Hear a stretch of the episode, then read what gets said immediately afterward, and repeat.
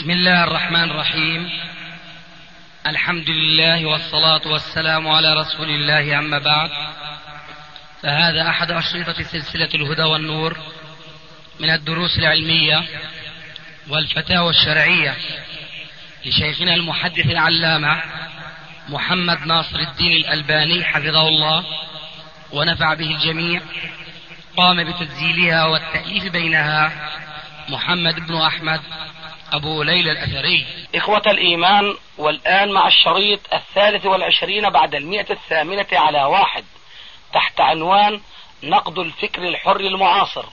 تم تسجيل هذا المجلس في اليوم التاسع عشر من محرم 1417 هجري. الموافق اليوم الخامس من الشهر السادس 1996 ميلادي. ارفع صوتك لو تسمحون يا شيخ. تفضل. النجاة في اتباع كتاب الله وسنة النبي صلى الله عليه وآله وسلم. آه، وهي صالحة لكل زمان ومكان. نجد هناك يعني آه، بعض الآراء وبعض الأفكار المعاصرة في هذا الزمن. تقول نعم الشريعة صالحة لكل زمان ومكان ولكن ينقصنا التعامل مع هذه الشريعة. فيوسعون باب المصالح المرسلة. ويوسعون باب القواعد الفقهية التي تنص يعني مثلا أمور معلش دعوه دعوه يعبر عما في نفسه نعم يسمونه بمصطلح الفكر الحر يا شيخ آه. هم نعم يقول نحن من أهل السنة والجماعة والمصدر في التلقي هو هون الكتاب إذا قال عجاج إن شاء الله بيكون في محله من أهل السنة والجماعة إن شاء الله. طيب. جزاك الله خير يا شيخ. آه. فيكثفون دراستهم ويتوسعون في باب أصول الفقه وفي دراسة الأصول التي وضعها من قبلنا من السلف رحمة الله عليهم لملائمة العصر. يسمى هذا في بالفكر الحر اللي يعني لا يخرج عن الشريعة الإسلامية إن شاء الله. فما أدري يا شيخ ما هي وجهة نظرك يعني نظركم عن هذا المنهج. لماذا يسمونه بالفكر الحر؟ وهو فيما نقلت عنهم ليس حرا بل هو مقيد بالكتاب والسنة. فهل هذه التسمية صحيحة؟ إن كانت صحيحة فهو كلام ينقض بعضه بعضا. ينقض آخره أوله وأوله آخره. هذه واحدة. الثانية ولعلها الأخيرة. هل هم فعلا يدرسون الكتاب والسنة حتى يكون ذلك ضمانا لهم في تطبيق ما زعموا من التسمية بالفكر الحر فيما لا يخالف الكتاب والسنة. أليس هكذا يقولون؟ فكرهم حر بشرط عدم مخالفة الكتاب والسنة. نعم.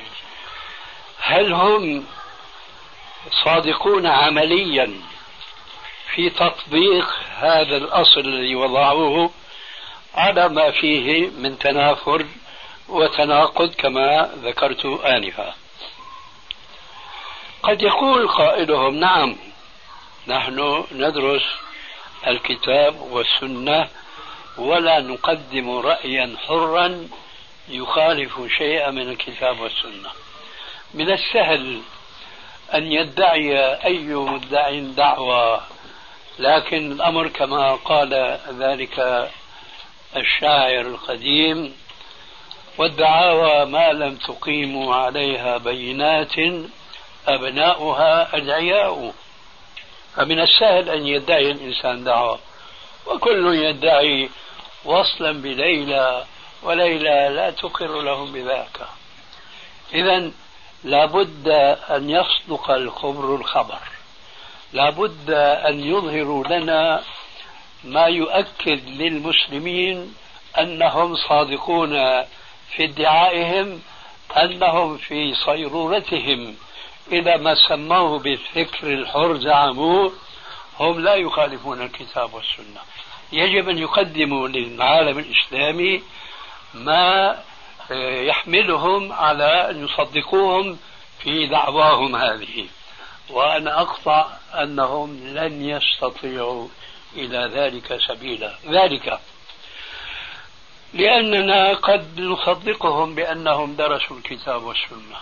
وكل الفرق الإسلامية تدرس الكتاب والسنة لأنهم في الظاهر كلهم مجمعون. وأنا ما أقول في الظاهر مجمعون على أن القرآن هو كما قال رب الأنام إنا نحن نزلنا الذكر وإنا له لحافظون وأنهم كل الطوائف يرجعون إليهم. أقول بعض الطوائف الأخرى تزعم أن هناك قرآن ضائع ومفقود مصحف فاطمة كما لابد أنكم تعلمون. ثلاث أرباع القرآن زعموا أنه في مصحف فاطمة المفقود. الشاهد قد يدعون بأنهم يدرسون القرآن لكننا نقول هل يدرسون القرآن على أساس قوله تبارك وتعالى فيه مخاطبا النبي صلى الله عليه وسلم بقوله وأنزلنا إليك الذكر لتبين للناس ما نزل إليهم وهل هم معنا؟ أعني مع أهل السنة والجماعة وكل الطوائف الإسلامية التي تعتبر أن السنة هو الأصل الثاني بعد القرآن الكريم. هل هم يفسرون قوله تعالى وأنزلنا إليك الذكر لتبين أي بالسنة التي تجمع قوله وفعله وتقريره. إن ربما يقولون نعم نحن معكم. سنقول أخيرا وسيظهرون أنهم ليسوا معنا عمليا. هل درسوا السنة على منهج أهل الحديث والسنة؟ ودرسوا الأسانيد ودرسوا علم الجرح والتعديل ودرسوا عشرات المئات بل الألوف من رواة السنة وعرفوا منزلة كل راو من هؤلاء آه، تاريخه صدقه حفظه اتصاله مع من يروي عنه انقطاع عنه إلى آخره. هل تظن أنهم فعلوا ذلك؟ أنا أسألك الآن هل تظن بالنسبة للدراسة يعني هم يقولون نحن في تصحيح الأحاديث وتضعيفها نرجع إلى الشيخ ناصر. الله أكبر. ما نعم يعني هذا تخ... هذا تخصصه ومجاله هذا بذكرني بحزب التحرير. لما كنت ناقشهم في دمشق أقول يا جماعة أنتم بدكم تقيموا دوله الإسلام. وهي كتاب تقي الدين النبهاني رحمه الله. الدولة لا اللي سماه كتاب قديم. نظام الحكم نظام الحكم في الإسلام أحسن. يقيم احكاما على أحاديث ضعيفة ولا أصل لها. فكيف تريدون أن تقيموا الدولة وأنتم دستور الدولة حتى الآن ما هو واضح لديكم؟ وكنت أقول وأقول البحث طويل إلى آخره ترجعون إلي وتعتبروني خصما وتقبلون شهادتي بأن هذا حديث صحيح وهذا الحديث ضعيف. هؤلاء إذا هذا الكلام الذي نقلته آنفا هو دليل ما قلناه آنفا. ما درسوا الكتاب على ضوء السنة ولا درسوا السنة على ضوء علم الحديث ومصطلح الحديث والجرح والتعديل. لذلك هؤلاء يعنون بالرأي الحر هو الانفلات عن الأحكام المنصوص عليها في الكتاب والسنة والسنة الصحيحة. وأنا أضرب لكم مثلا أو أكثر من مثل. هناك كتاب مشهورين في العالم الإسلامي اليوم وهم من هذا النمط وإن كانوا ما رفعوا هذا العنوان الذي أنت الآن تعلنه عنهم لكنهم هم يطبقونه حرفيا. فعما قريب توفي ونسأل الله أن يغفر لنا وله الشيخ محمد الغزالي المصري هذا الرجل كاتب إسلامي كبير. وبعض الجرائد هنا وغير هنا إلى آخره بمناسبة وفاته رفعوا إلى السماء. ذلك لأنهم لا يعلمون العلم. وكما قيل الحديث الضعيف هذا اللي لا يصح سندا لكن معناه صحيح. لا يعرف الفضل لذوي الفضل إلا ذوي الفضل ها؟ لا يعرف الفضل لذوي الفضل إلا ذوي الفضل لا يعرف قدر العالم إلا أهل العلم فتجد الكتاب وما أكثرهم في هذا العصر يظنون أن كل من كان عنده لسان طلق أو قلم سيال يستطيع أن يكتب بقى في القرآن وفي السنة وفي ترجمة العلماء فيرفعون هذا ويخفضون هذا وإلى آخره. المقصود الغزالي هذا مع هذه الشهرة العالمية التي أخذها في الإسلام. حتى الدولة السعودية أعطته إيش؟ جائزة إيش؟ ملك فيصل. فهو أخذ الجائزة من هنا وانبرى يطعن فيه من هنا. هذا رجل كان يؤسس مذهبا عنوانه ما ذكرت وإن كان هو لم يعنون. تجده لا يتبع السنة الصحيحة ويحكم عقله في السنة الصحيحة ولا يتبع الفقهاء وهو يزعم بأنه مع الفقهاء الأجلاء الكبار إلى آخره. وكتابه المعروف شو اسمه تبع نعم. السنة النبوية. بين الفقه أيوة. هذا فيه طامات. طامات من الناحية الفقهية. طامات من الناحية الحديثية. انتصار لبعض الطوائف الموجودة اليوم. لا لشيء سوى أنه كما قال أيضا الشاعر أتاني هواها قبل أن أعرف الهوى فصادف قلبا خاويا فتمكن فتمكن هذا رجل عقلاني. هذا رجل عقلاني. ومثل بعض الأحياء لا يزالون يسيرون مسيرته ويمشون حذو القذة بالقذة خلفه. فهو ينكر الأحاديث المتفق على صحتها ويصحح الأحاديث الضعيفة ويصرح بهذا. وكنت أول نشأتي العلمية آه، أتمنى أن أقوم بعمل أخدم به السنة كتب إلي أحد إخواننا السلفيين الذين كانوا في دمشق وسافروا إلى القاهرة وانتموا إلى الأزهر فكتب إلي بأن الشيخ محمد الغزالي طلب مني أن أطلب منك أن تخرج كتابه فقه السيرة. وكان صدر منه الطبعة الأولى.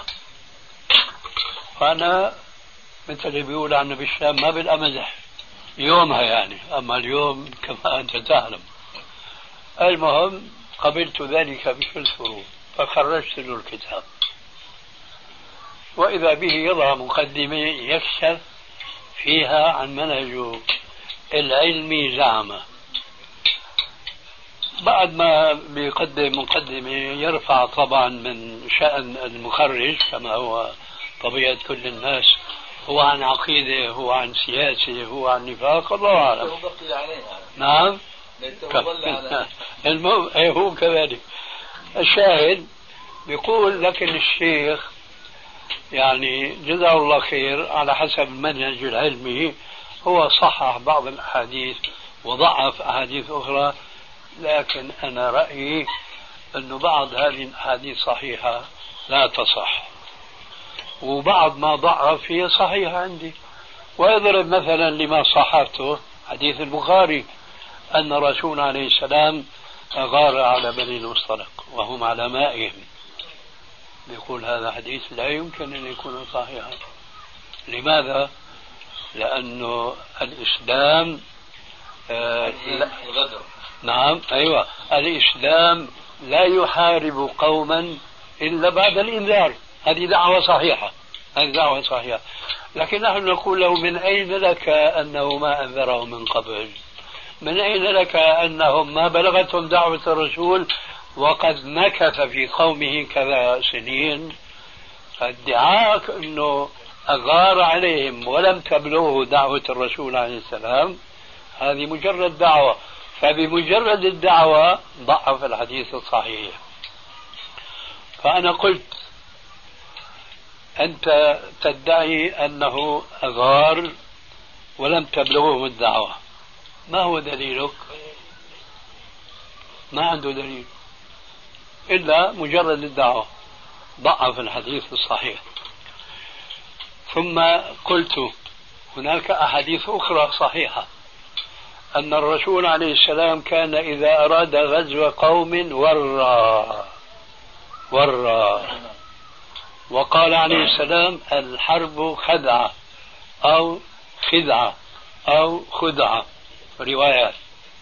قلت هل تريد أن الرسول عليه السلام تصل سياسته وحاشاه أنه كلما أراد أن يغير على قوم يقول لهم خذوا عذركم أنا مهاجمكم.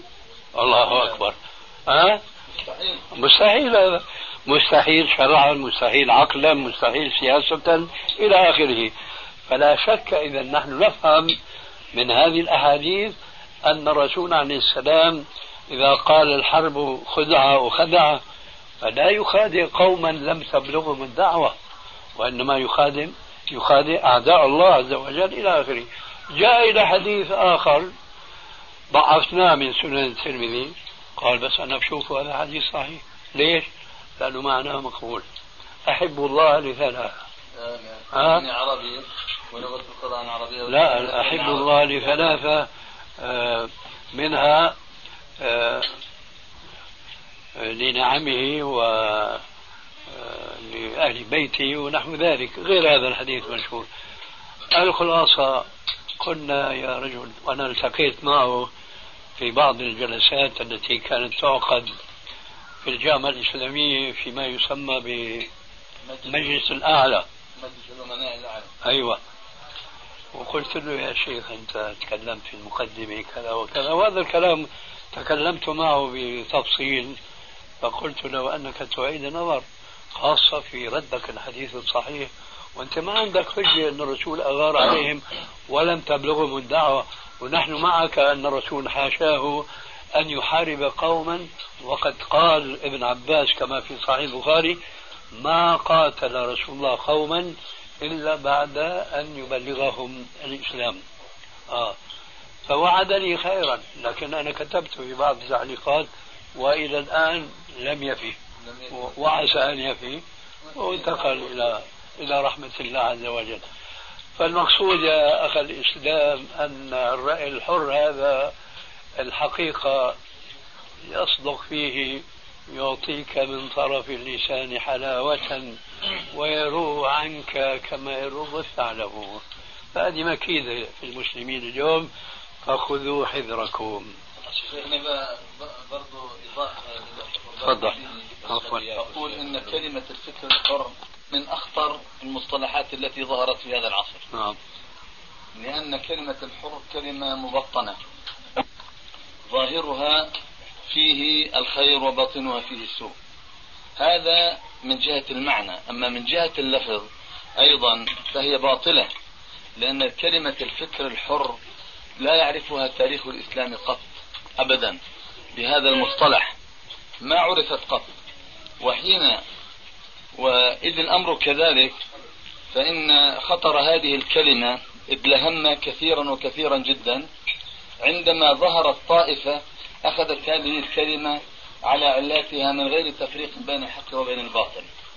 ولذلك أقول بأنه آه، كلمة الفكر الحر تفضي إلى الطعن في كتاب الله عز وجل وسنة رسوله صلى الله عليه وآله وسلم. وأقول بأن هذه الكلمة أيضا أودت إلى بكثير من آه، الكفار المفكرين آه، والعلماء الكفار الذين يبغضون الإسلام أن يطعنوا في القرآن الكريم وفي سنة الرسول صلى الله عليه وسلم وأن يسكت الناس من أمامهم وأن يسمعوا كلامهم ولا يردوا على باطلهم. هذا وجدناه في كثير من المؤتمرات التي وقعت تجد أن واحدا آه، يعني أشبه ما يكون بالجرز الخبيث النتن يقف ويطعن على الإسلام ونحن ساكتون بدعوى ماذا؟ حر. بدعوى الفكر الحر. وأن الإسلام ضمن الحرية في الأديان ولا ينبغي أن نعترض على مثل هذا الإنسان لأن هذه هذا فكره. ولكن نحن نعرض الإسلام عرضا لعله يقتنع وهذا من باب أيضا الفكر الحر فلذلك الحقيقة هذه الكلمة تبناها عدد من إخواننا أيضا الدعاء للأسف الشديد وصدقوها بعجرها وبجرها ولم يفرقوا بين أبيضها وبين أسودها وظنوا أنهم بذلك يحسنون صنعا. أما قضية دراسة الفقه والإفادة من هذه القواعد العظيمة التي أسسها علماء أصول الفقه فالحقيقة أنهم حرفوها عن مواضعها. وكما فعلوا أيضا في قواعد المصطلح بعض المعاصرين الآن الذين أرادوا أن يردوا الحديث بدعوى أنهم يضعون قواعد جديدة في مصطلح الحديث أيضا أخذوا يحرفون وهذا من باب أولى أخذوا يحرفون قواعد علم الأصول عن مواضعها ويضيفون قواعد جديدة بدعواهم ويقول إننا نحن أصحاب رأي وأصحاب عقل وقد توصلنا بحكم التطور العلمي والفكر الحر إلى أن نضيف وأن نحذف وأن نقدم وأن نؤخر كما نشاء. هذه بلية كبيرة يا أخ خالد ولذلك ينبغي أن يحذر منها الشباب وبخاصة طلبة العلم وأن يردوا كل كلمة حتى كلمة شيخنا كلمة آه، هذا المصطلح الشريعة الإسلامية صالحة لكل زمان ومكان. هذه كمان من البلايا والطامات. هذه تفضي إلى هذه الكلمة. إذا أولت طبعا. إيه نعم. ما هو ما, ما وضعوها عن مواضعها. وكما فعلوا أيضا في قواعد المصطلح بعض المعاصرين الآن الذين أرادوا أن يردوا الحديث بدعوى أنهم يضعون قواعد جديدة في مصطلح الحديث أيضا أخذوا يحرفون وهذا من باب أولى أخذوا يحرفون قواعد علم الأصول عن مواضعها ويضيفون قواعد جديدة بدعواهم ويقول إننا نحن أصحاب رأي وأصحاب عقل وقد توصلنا بحكم التطور العلمي والفكر الحر إلى أن نضيف وأن نحذف وأن نقدم وأن نؤخر كما نشاء. هذه بلية كبيرة يا أخ خالد ولذلك ينبغي أن يحذر منها الشباب وبخاصة طلبة العلم وأن يردوا كل كلمة حتى كلمة شيخنا كلمة هذا المصطلح الشريعة الإسلامية صالحة لكل زمان ومكان. هذه كمان من البلايا والطامات.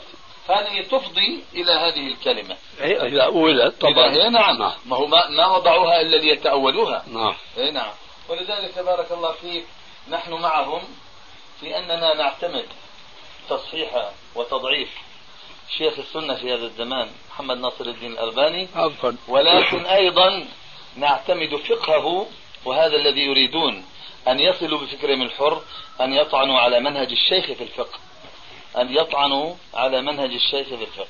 فنحن نؤيده ونصدقه في تصحيحه وتضعيفه واستنباطه الأحكام التي ربما لم يسبق إليها من قبل.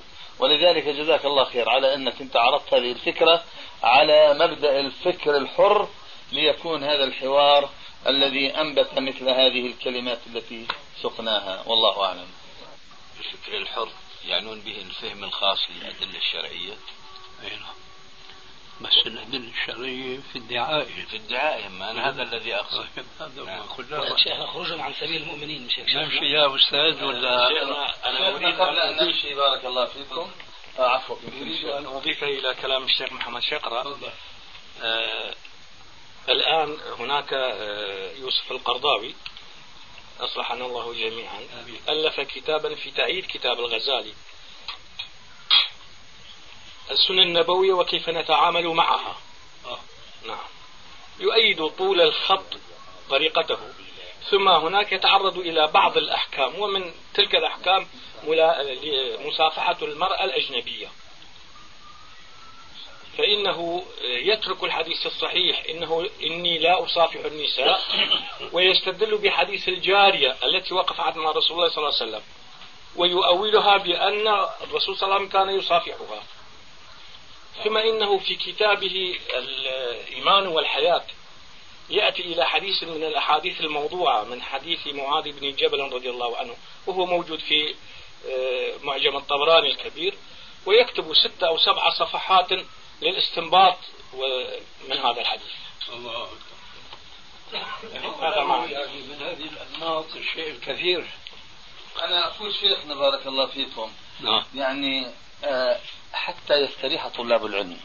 وأنا دائما أقول لإخواننا طلاب العلم دعوا هذه المؤلفات الحديثة. دعوها. وتمسكوا بما هو قديم من سالف العهد. وما يشبهه في هذا الزمان. لأن هذه المؤلفات الحديثة العصرية في الحقيقة أودت بالثقافة الإسلامية الصحيحة. نعم. وصار أيضا تلهب عند الشباب من غير وعي ولا إدراك صحيح لمبادئ العلم وقواعده وأصوله. نعم. في كلمة شيخنا قبل ما تتكلم موضوع أقول تفضل شيخنا.